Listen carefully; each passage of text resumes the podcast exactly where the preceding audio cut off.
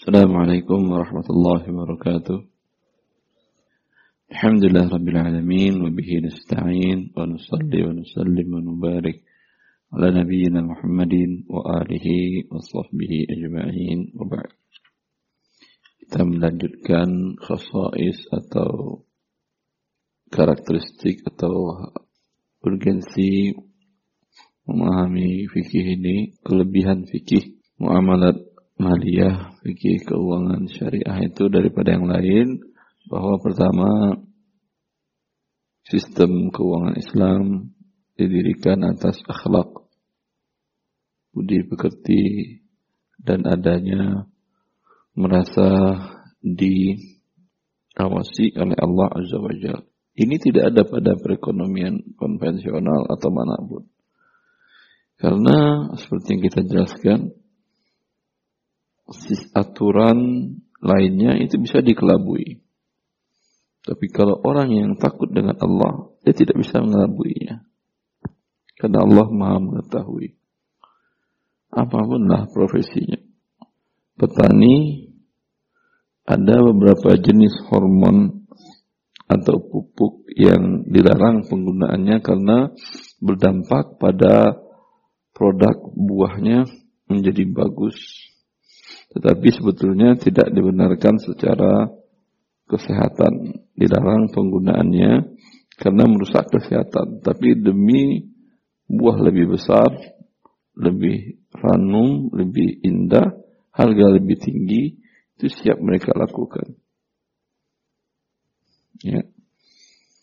Nelayan juga begitu. Nelayan sebagian produk hasil ikan itu ada agar tidak cepat rusak. Mereka kasih formalin. Pernah kan ikan asin yang berformalin pernah diributkan di negara kita kan ya? Atau lupa sudah tuh membeda cara membedakan ikan asin formalin non formalin. Yang formalin banyak lalatnya. Yang non formalin, yang formalin lalat nggak berani. Ya, itu nelayan. Para pedagang apalagi macam yang mereka lakukan. Karena mereka nggak takut, tapi di masa Umar bin Khattab, eh, nenek daripada Umar bin Abdul Aziz namanya Fatimah. Di waktu itu Umar mengeluarkan keputusan melarang mencampur susu dengan air. Maka itu sudah menjadi kebiasaan pedagang-pedagang susu. Mereka tambahkan sedikit air. Padahal yang mereka jual susu. Beda kalau mereka terus terang ini susu dicampur kadar air sekian ditambahkan. Beda kalau memang ada kadar air dari awal. Atau madu ditambahkan gula. Memang madu menanggung kadar gula apa tidak? Iya kan? Itu kalau itu memang sudah ada. Kalau ini memang tidak dimasukin gula ke dalam madu itu. Atau lebahnya dikasih gula. Ya. Tentu keasliannya berbeda. Bolehkah dia jual? Boleh, tapi dia sampaikan. Ini madu ini bukan madu asli itu lebah mencari apa namanya nektar dari pohon-pohonnya bukan tapi kami taruh gula di dalam kandangnya dia minum gula sehingga keluar madu juga tapi madu rekayasa kalau dia sampaikan boleh, tidak ada masalah. Ya. Selagi itu tidak ada mudorotnya. Mudorotnya tidak ada tapi penipuan ada. Tidak semua madu ya. Ada yang melakukan seperti itu. Ya. Dan seterusnya dan seterusnya dilakukan oleh manusia. Karena mereka tidak takut kepada Allah. Beda dengan Fatimah tadi. Ibunya mencampurkan susu dengan air. Kemudian anaknya melihat si Fatimah mengatakan, Wahai ibu, bukankah Amirul Mukminin Umar bin Khattab telah melarang mencampur susu dengan air Kata ibunya, sama seperti pedagang umumnya, mana ada Umar di sini?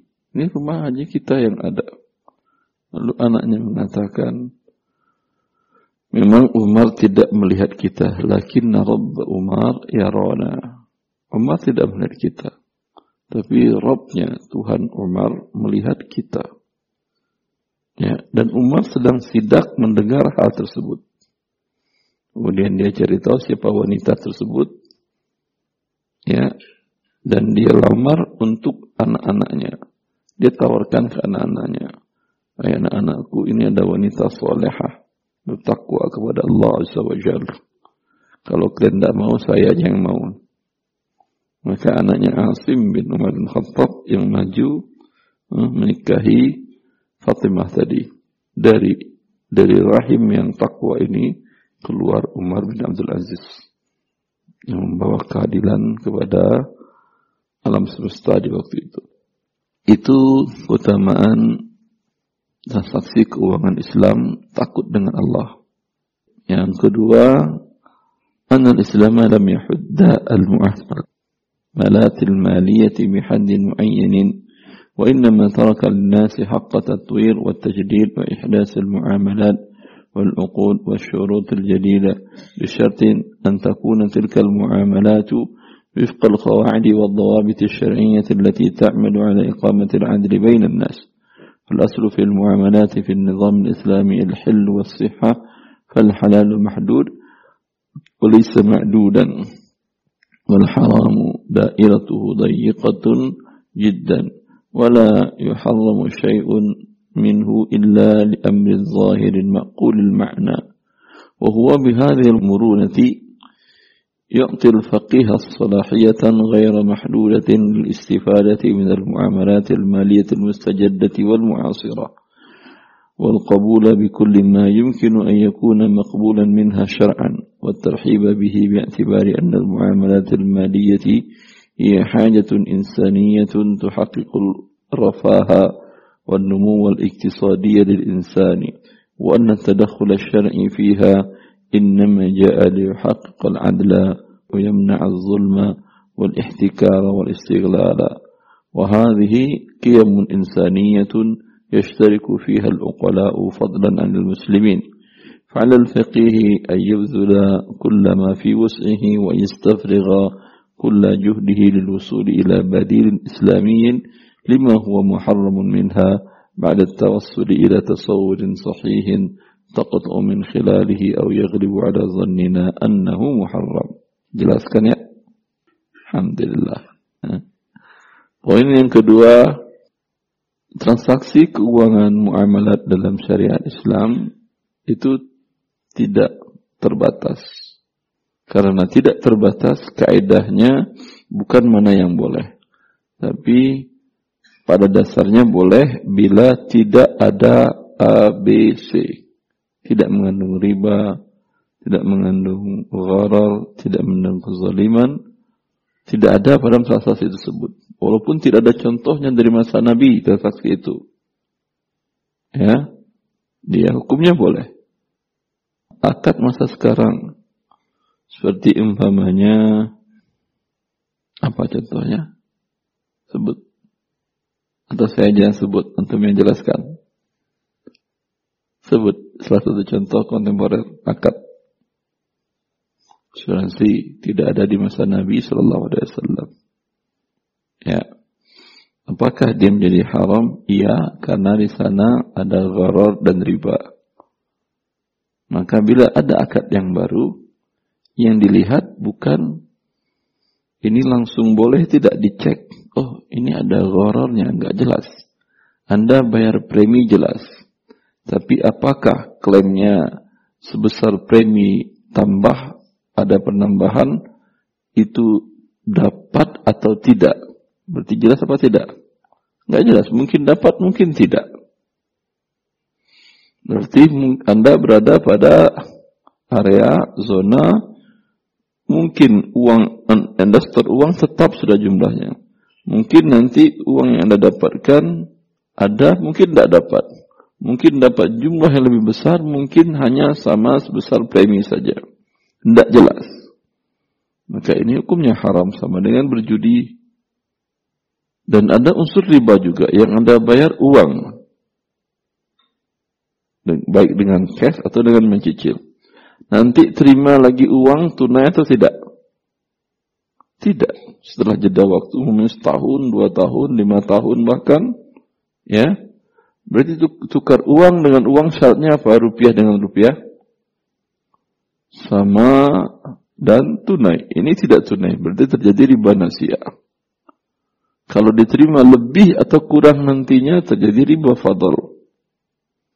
Berarti mengandung judi dan riba. Oh, ini tidak halal. Bisa menjadi produk halal? Bisa. Dibuang riba dan judinya. Dibuang riba judi tinggal apa dia? Tinggal uang. Itu akadnya bukan jual beli. Akadnya saling bantu. Hah? Sama umpamanya ada keluarga besar antum, dah keluarga, masing-masing keluarga nyumbang dari gajinya setiap bulan berapa aja, satu persen kah, dua persen kah, atau siapa yang sedang ada kelapangan silakan nyumbang dikumpulkan. Gunanya untuk apa? Bila ada di antara keluarga besar itu anggota yang qadar Allah terkena musibah, mungkin terkena sakit berat, terkena PHK dan lain-lainnya, ya silahkan diberikan kepada dia. Untuknya sumbangan. Ya, bukan tukar uang. Walaupun tukar uang terjadi juga, tapi tujuannya adalah nyumbang. Membantu keluarga yang susah. Ya, maka ini menjadi dibolehkan. Baik. Seperti itu. Ini memberikan keluasaan transaksi dalam agama Islam. Jadi transaksi dalam transaksi keuangan dalam agama Islam tidak baku harus seperti ini, seperti ini. Dan dari masa Nabi sudah ada seperti itu. Rasulullah di Mekah tidak ada transaksi salam. Ya, karena di Mekah tidak ada perkebunan kurma. Yang ada apa di Mekah? air zam-zam ada, tapi bisnis air zam-zam sudah ada di masa dulu. Tidak ada dulu bisnis air zam-zam. Ya, bisnis kulit yang ada di Mekah. Ya, ketika Rasulullah hijrah ke Madinah, beliau dapati penduduk Madinah melakukan akad salam untuk buah korma dengan serah terima objeknya setahun depan, dua tahun depan, ada yang tiga tahun depan transaksinya. Lalu Rasulullah mengatakan, Man aslama. Lalu Rasulullah memperbaiki transaksinya. Dengan memberikan ketentuan, kaidah umum, siapa yang melakukan transaksi salam, serahkan uangnya di majelis akad. Kemudian, kadar jenis objeknya harus jelas, kadarnya harus jelas, berapa kuintal, berapa ton, atau berapa barrel, berapa liter, harus jelas Tanggal serah terimanya pun harus jelas. Tanggal sekian, bulan sekian, tahun sekian. Ya. Kalau transaksi keuangan baku, tentulah Rasulullah mengatakan ini apa ini salam, haram salam. Di Mekah kan nggak ada. Tidak ternyata. Dan ini memberikan kelonggaran bagi setiap manusia bisa melakukan transaksi apa aja. Modifikasilah transaksi tadi, ya, selagi berada pada poros keadilan, tidak ada yang terzalimi, tidak ada yang tertipu, sama-sama menguntungkan kedua belah pihak, ha? selamat dari riba, dari gharar, dari zalim, maka hukumnya halal atau darar. Maka hukumnya adalah halal. Jelas? Sama dengan hukum kaidah makanan. Hukum asal makanan adalah halal. Berarti Anda boleh makan apa saja, ya atau tidak? Kecuali yang diharamkan syariat. Yang diharamkan banyak apa dikit? Kaidah diharamkan sedikit. Ya. Allah mengharamkan khamar, yang makanan yang merusak makanan minuman yang merusak akal. Begitu juga makanan minuman yang merusak anggota tubuh yang lainnya. Yang diharamkan. Allah mengharamkan bangkai dan seterusnya. Bila anda temukan di uh, hutan buah, langsungkah anda makan? Kan boleh hukum asalnya. Hah? Nemu buah di hutan. Tidak pernah anda lihat contoh sebelumnya di pasar. Boleh anda makan? Yang jelas tidak ada pemilik itu di hutan. Kok bisa tumbuh buah di sana Ustaz? Itu kehendak Allah yang bawanya angin atau burung atau hewan yang lain. Hah? Boleh anda makan? Untuk makan pun pusing antum. Boleh, boleh, tapi berani anda makan? Hah? Siapa tahu beracun, iya atau tidak? Maka kaidah boleh itu bukan berarti langsung anda makan. Alhamdulillah, makanan kan boleh. Udah ambil aja. Setelah itu gatal-gatal leher. Dan gatal-gatal semuanya. Ya. Maka Anda lihatlah ada mudorotnya bagi tubuh atau tidak. Bagaimana mengetahuinya? Lihat. Bila hewan lain makan, codot makan, namanya kelelawar makan, ah, atau kera makan, atau burung makan, aman makan aja. Ya. Sama dengan bila ada genangan air di hutan, jernih-jernih, bagus. Jangan Anda minum dahulu, siapa tahu beracun lihat ada jentik-jentik uh, nyamuk atau tidak. Kalau ada jentik-jentik nyamuk berarti tidak beracun. Kalau bersih nggak ada nyamuk, jentik nggak ada hewan di dalamnya, jangan minum. Kemungkinan beracun. Padahal hukum asal air halal apa tidak? Halal. Begitu juga dengan transaksi yang halal tadi. Berarti kaidah seperti ini menunjukkan bahwa makanan yang halal itu sedikit apa banyak? Banyak, semuanya boleh. Begitu juga transaksi yang halal itu sedikit apa banyak? Banyak, karena hukum asalnya boleh. Jelas.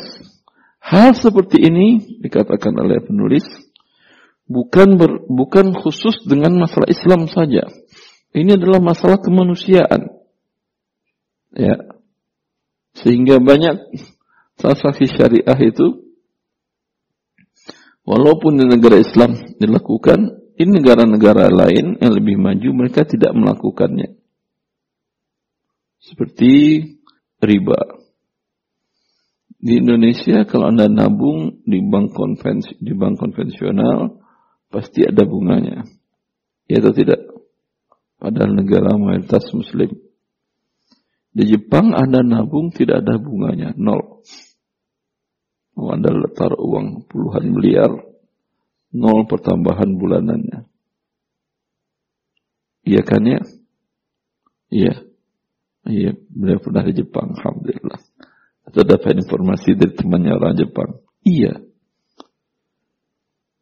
Kenapa mereka tidak melakukan ini? Apakah ini karena mereka sudah Muslim? Tidak, mereka masih nyembah matahari. Tapi hasil riset mereka menunjukkan ekonomi akan rusak dan hancur dengan bunga riba tadi. Sehingga kalau dia nolkan bunganya, orang nggak mau nabung di bank. Apa konsekuensinya orang tidak nabung? Uang diputarnya untuk bisnis. Dia ada yang beli tanah, beli properti, beli kebun, beli pabrik, ya macam-macam dibeli. Tidak berani dia taruh di rumah.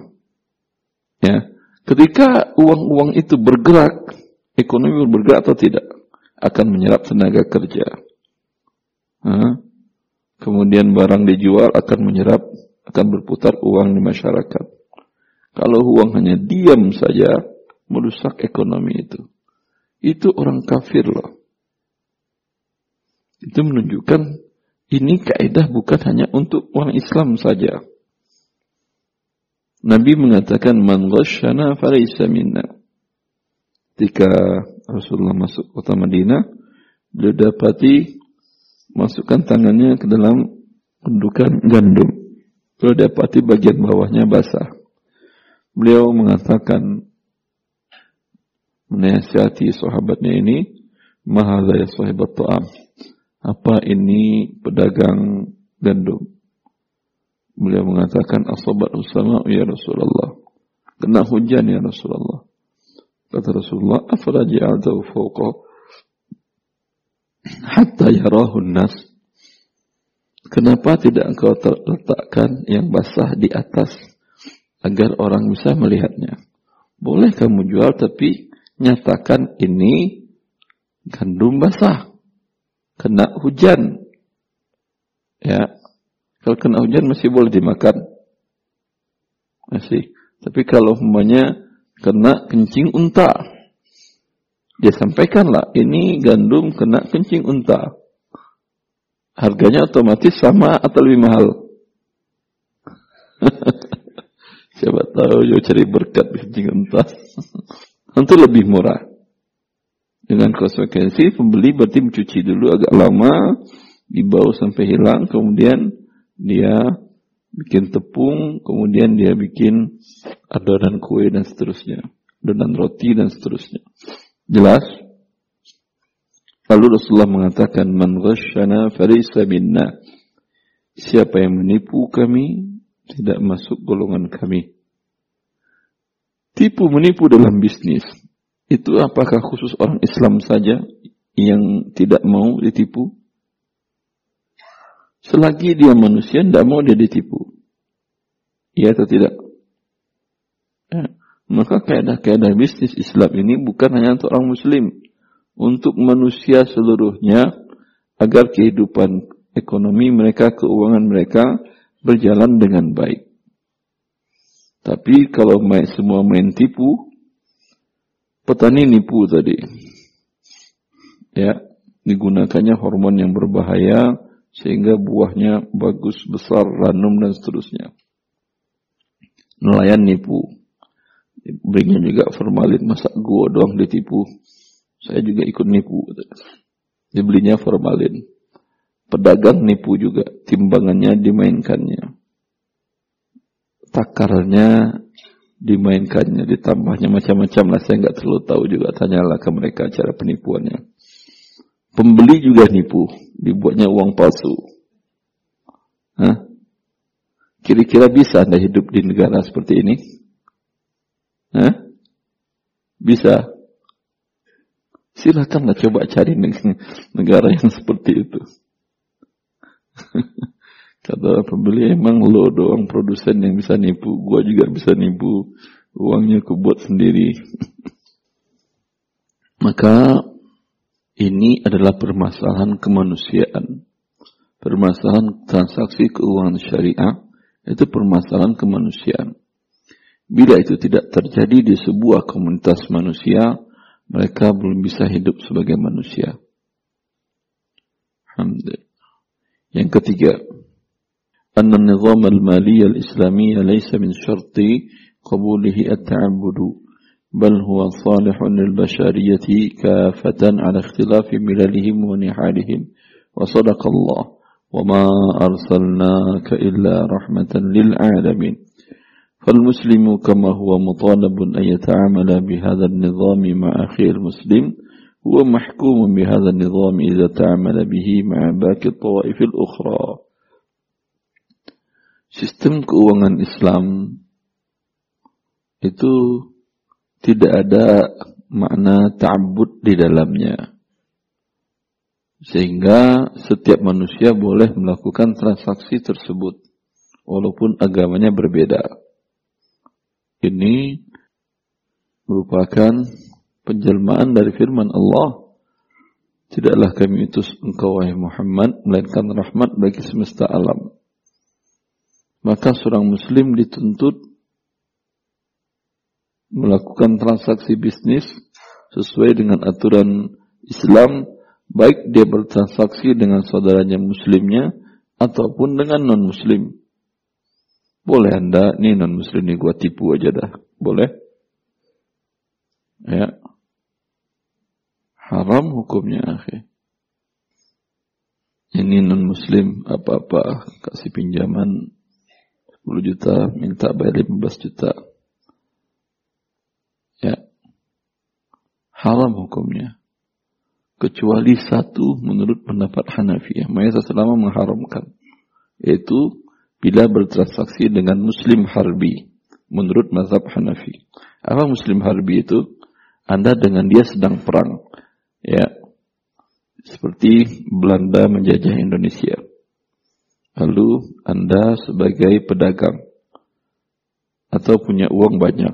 Lalu ada tentara Belanda pinjam uang ke Anda. Anda katakan, ya boleh tapi bayarnya nanti ada pertambahan 100%. Ya. Kenapa Hanafiyah mengatakan demikian? Karena harta orang kafir perang harbi boleh diambil Jelas? Jelas apa tidak? Kan boleh diambil dengan cara perang. Ghanimah. Ya. Apalagi ini bayar dia sukarela. Dia ada pertambahan. Berarti boleh juga diambil. Namun pendapat ini lemah. Jangan yang lemah yang nempel di kepala antum. Ah, ada kok pendapat.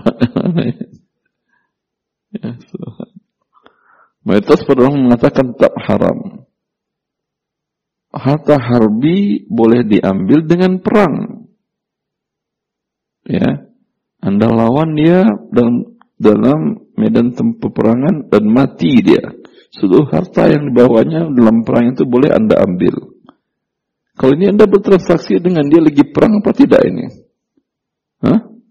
Tidak, masa lagi perang tembak-tembak, eh baik, pinjam uang dong, ya udah pinjam uang bayar lebih ya, tembak lagi, tidak mungkin lah. Kalau anda kasih uang, anda tembak dia kapan dia bayar? ya. Itu. Dan tidak ada nas yang membolehkan bertransaksi dengan orang kafir harbi tadi walaupun dengan cara riba. Begitu agama Islam. Beda dengan agama Yahudi yang sudah dimodifikasi oleh para pendetanya. Di dalam Taurat perjanjian lama itu dinyatakan bahwa Allah mengharamkan riba. Ditambah ayat ini, isi Taurat ini oleh para pendetanya. Allah mengharamkan riba kepada sesama Yahudi. Implikasinya apa? Kalau dengan non-Yahudi boleh. Kan itu. Maka legal dalam agama Yahudi yang sudah dimodifikasi. Seorang Yahudi memberikan pinjaman kepada non-Yahudi. Arabkah? Pribumi Indonesia kah? Cina kah? Mana saja. Ya. Halal bagi mereka meminta pertambahan. Tapi kalau dengan Yahudi tidak. Dan ini sampai sekarang mereka terapkan yang menguasai per perbankan dunia Yahudi. Sesama bank riba dia tidak melakukan riba. Ya. Ada salah seorang ikhwan dulu dia pejabat tinggi di Bank Indonesia. Kata dia, kami pegawai Bank Indonesia, dia punya pinjaman ke kantornya sebanyak 1,5 miliar. Berapa tahun yang lalu itu punya pinjaman. Tapi kata dia, Alhamdulillah, kami pegawai bank Indonesia pinjam uang ke kantor, itu nol bunganya, Ustaz. Ya, memang yang membuat sistem Anda itu Yahudi. Tukang riba dengan tukang riba, tidak ada riba. Tapi tukang riba dengan luar itu akan ada solidaritas antar tukang riba ternyata tinggi ya. ya. Islam tidak. Dengan siapapun Anda tetap haram. Nah, kita lanjut. Yang ke berapa lagi? Yang keempat. النظام المالي الإسلامي نظام وسطي قائم على التوازن ففي الوقت الذي يعطي السوق الحرية المشروعة وينهى عن التدخل في السوق. إذا كان هذا التدخل قائما على الإكراه والظلم كما امتنع الرسول صلى الله عليه وسلم عن التسعير وقال إن الله هو المسائر القابض الباسط وهو حديث صحيح. خاصة إذا كان ارتفاع السلع راجعا إلى قلة العرض أو قصرة الطلب ولم يكن ناجما عن الاحتكار والجشع وقال صلى الله عليه وسلم في الحديث الصحيح دعوا الناس يرزق الله بعضهم من بعض. رواه مسلم. وكما حرم الإكراه على البيع قال تعالى إلا أن تكون تجارة عن تراض منكم. وقال صلى الله عليه وسلم في حديث أبي سعيد الخدري قال رسول الله صلى الله عليه وسلم إنما البيع عن تراض وهو حديث حسن. في الوقت نفسه لا يسمح بالاحتكار ويجبر المحتكر على بيع ماله عند حاجة الناس إليه. وقدم الشارع منفعة السوق على منفعة الجالب. فنهى النبي صلى الله عليه وسلم بيع الحاضر للبادي والحديث مستفق عليه. قال المازري لما كان البادي إذا باع بنفسه انتفع جميع أهل السوق واشتروا رخيصا فانتفع به جميع سكان البلد. نظر الشارع للبادي على البادي ومن ذلك فائدتان للسوق وللتجار. أما الفائدة للتجار فإن أهل البادية يستعجلون الذهاب إلى أماكنهم فيبيعون برخص فينتفع الباعة منهم. ولذلك قال صلى الله عليه وسلم دعوا الناس يرزق الله ببعدهم من بعد وأما الفائدة للسوق فإن التاجر إذا اشترى برخص باع برخص وإذا باع برخص استفاد عامة الناس. وكثر الطلب على السلع بخلاف ما إذا كانت قيم السلع مرتفعة. فإن كثيرا من الناس قد لا يستطيع الشراء حينئذ. قال الشافعي فأهل البادية يقدمون جاهلين بالأسواق وبحاجة الناس إلى ما قدموا به ومستثقلين المقام فيكون أدنى من أن يرتخص المشترون سلعهم. فإذا تولى أهل القرية لهم البيع ذهب هذا المعنى ونهى النبي صلى الله عليه وسلم عن ترك الجلب حتى يهبط إلى السوق. رواه مسلم. Pasar dalam keuangan syariah, transaksi bisnis syariah itu independen, pasar bebas. Ya, tapi bukan bebas semakna bebas mau jual barang haram, mau jual nipu-tipu, enggak. Ya, bebas masih dalam koridor yang dibolehkan. Arti bebas, harga dikembalikan kepada kedua belah pihak. Tidak mesti harus jual segitu. Ketika Rasulullah Shallallahu Alaihi Wasallam dimintakan oleh sebahagian sahabat karena harga uh, gandum tinggi di, di Madinah untuk menetapkan harga pasar gandum, penjualan gandum di pasar. Rasulullah menolak. Ia menetapkan harga, menurunkan harga adalah Allah. Ya. Kita tidak boleh ada harga yang dipatok, dibanderol oleh pemerintahan di masa Rasulullah Sallallahu Alaihi Wasallam. Sehingga pasar bebas. Allah Nabi mengatakan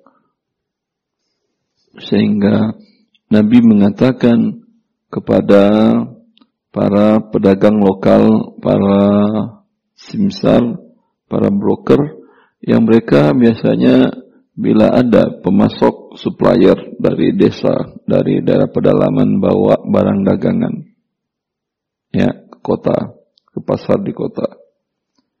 Itu si pedagang uh, si supplier tadi mereka nggak tahu harga pasar. Beda dengan sekarang. Maka biasanya di pasar ada brokernya. Udah udah sini sini sini. Kamu santai nginep di sana biar jualin. Ini dilarang dalam Islam. Kenapa? Karena ini merusak merusak harga pasar. Ya, kata Nabi, Da'un nasa yarzuqullahu min ba'dihim ba'da. Biarkan manusia itu diberi rezeki oleh Allah sebagian dengan yang lainnya. Jangan diatur-atur. Ya. Karena kalau dia umpamanya dia buat harga di demikian, si supplier dapat harga lebih bagus, si pedagang dapat uang, tapi si pembeli tidak mampu beli karena harganya tinggi. Ya, karena barang lagi sedang sedikit. Dikembalikan harga tersebut dalam Islam sesuai dengan supply and demand, keberadaan barang dan permintaan. Bila salah satunya lebih banyak, jadi menjadi mana yang bila permintaan banyak, barang sedikit, mahal atau murah? Sebaliknya, bila permintaan sedikit, barang banyak, murah. Itu kaidah Allah yang membuatkannya dalam transaksi keuangan tadi. Ya. Begitu dalam Islam. Cukup insyaallah taala. Semoga bermanfaat. Wallahu li taufiq wa sallallahu nabiyina Muhammad wa alihi wa sahbihi wasallam. Assalamualaikum warahmatullahi wabarakatuh.